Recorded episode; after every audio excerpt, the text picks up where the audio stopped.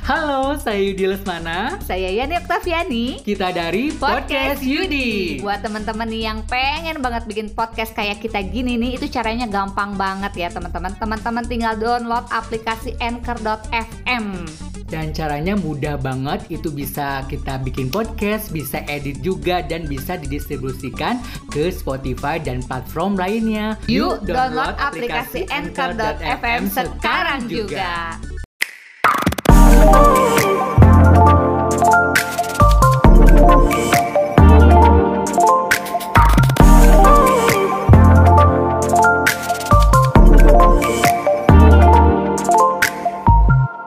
Innalillahi wa inna ilahi roji'un. Pesepak bolaan Indonesia kembali berduka.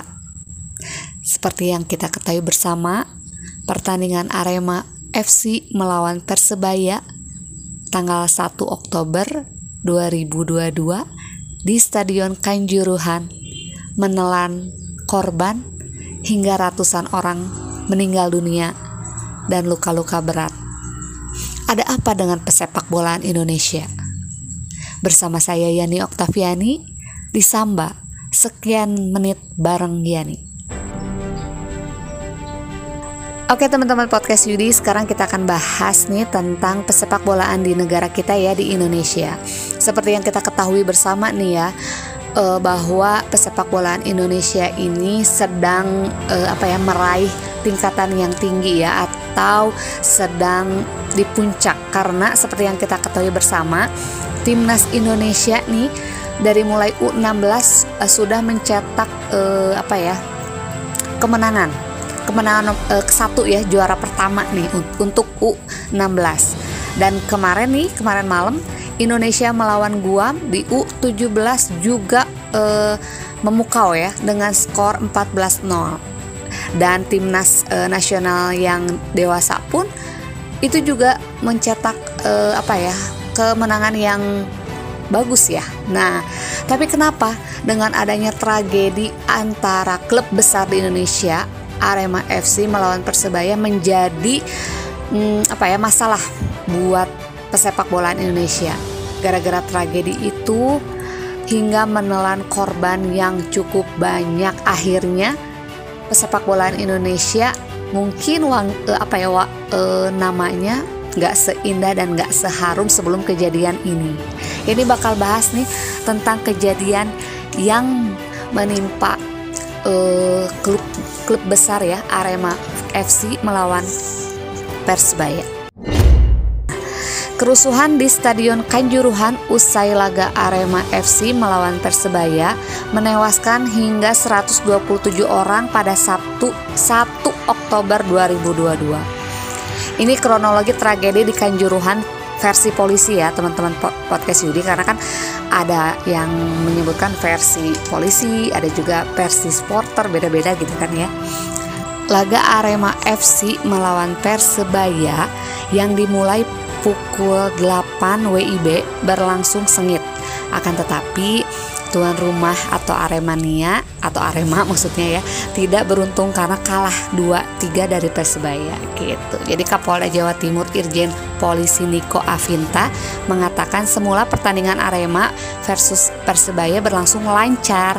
Namun setelah pertandingan berakhir, sejumlah pendukung Arema atau Aremania ya merasa kecewa dan beberapa di antara mereka itu turun ke lapangan teman-teman. Jadi untuk mencari uh, pemain Persebaya dan ofisial, oh, bahaya banget ya. Dan petugas pengamanan kemudian melakukan upaya untuk pencegahan dengan melakukan pengalihan nih agar para supporter tersebut persupporternya Aremania ya tidak turun ke lapangan dan mengejar pemain Persebaya dan ofisial dari Persebaya gitu. Petugas pengamanan kemudian melakukan upaya nih untuk uh, pencegahan ya dengan melakukan pengalihan agar para supporter tersebut tidak turun ke lapangan dan mengejar para pemain gitu kan. Semakin lama nih kekecewaan supporter semakin kuat ya semakin uh, apa marah gitu kan. Dengan kemarahannya yang tidak terkendali gitu kan.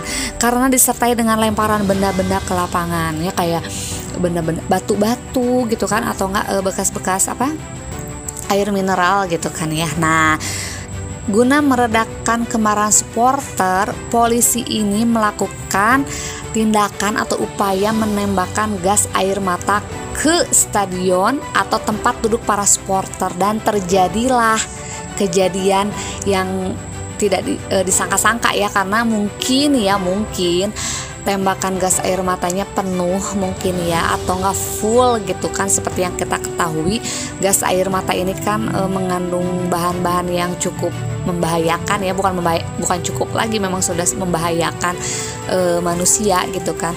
Nah di sini kita bisa e, apa ya bisa terlihat lah ya.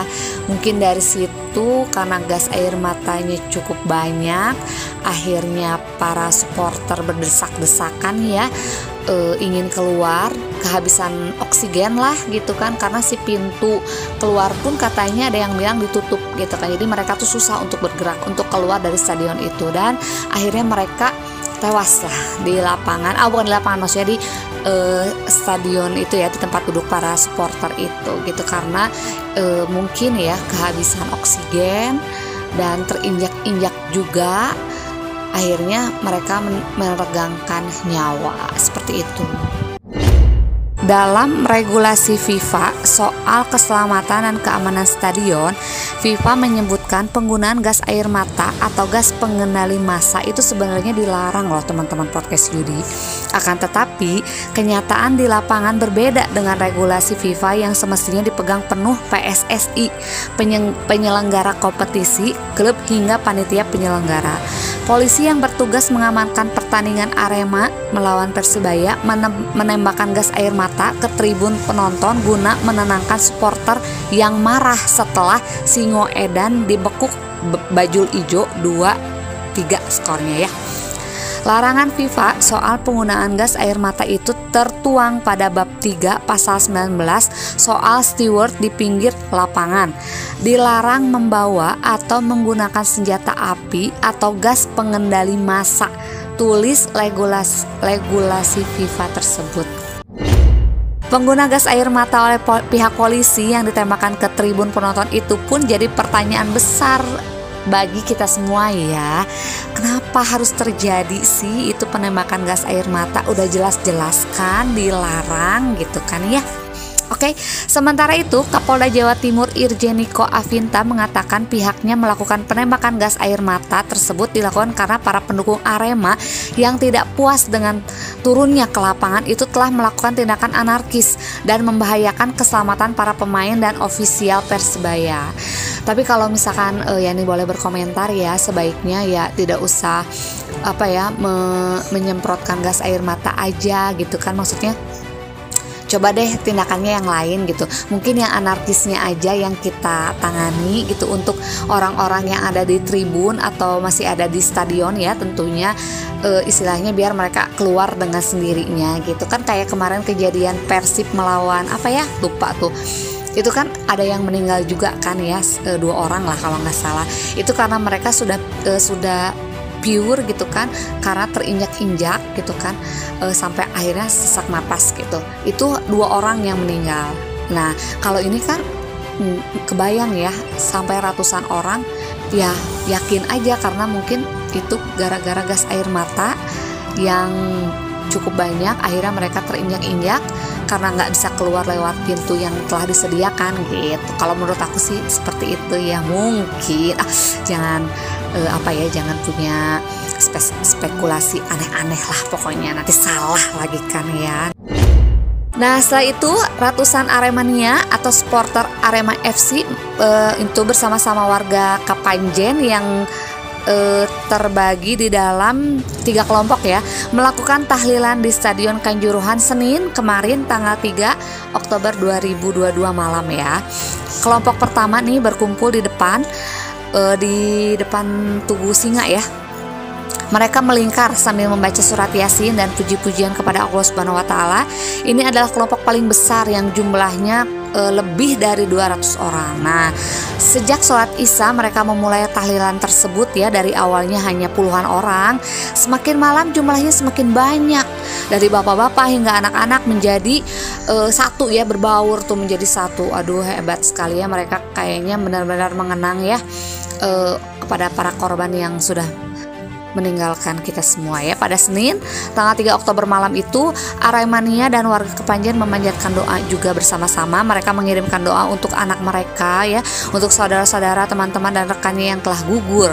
Mereka juga melayangkan pesan usut tuntas tragedi ini sampai ke akar-akarnya gitu kan berdasarkan keterangan resmi Kapolri Listo Sigit Prabowo Prabowo ya 125 orang meninggal dunia dalam tragedi Kanjuruhan.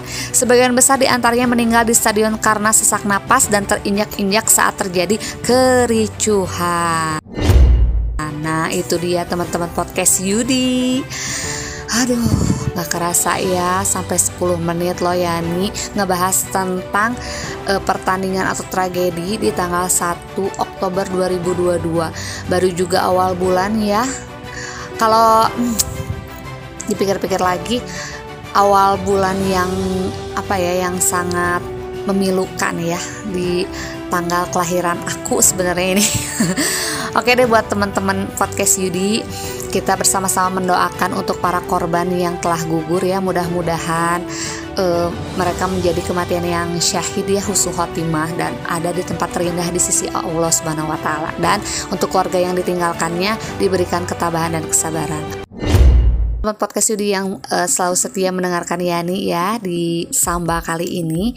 Jangan lupa untuk yang belum follow IG-nya ada di @podcastyudi dan untuk traktirnya masih kita terima ya di traktir.id slash podcast Yudi. Yani pamit, Marki cap, Marki bread. Mari kita cabut, mari kita mabret. Bye-bye. The podcast is finished. Thanks for the time spent together. Next one's coming soon. Next one's coming soon.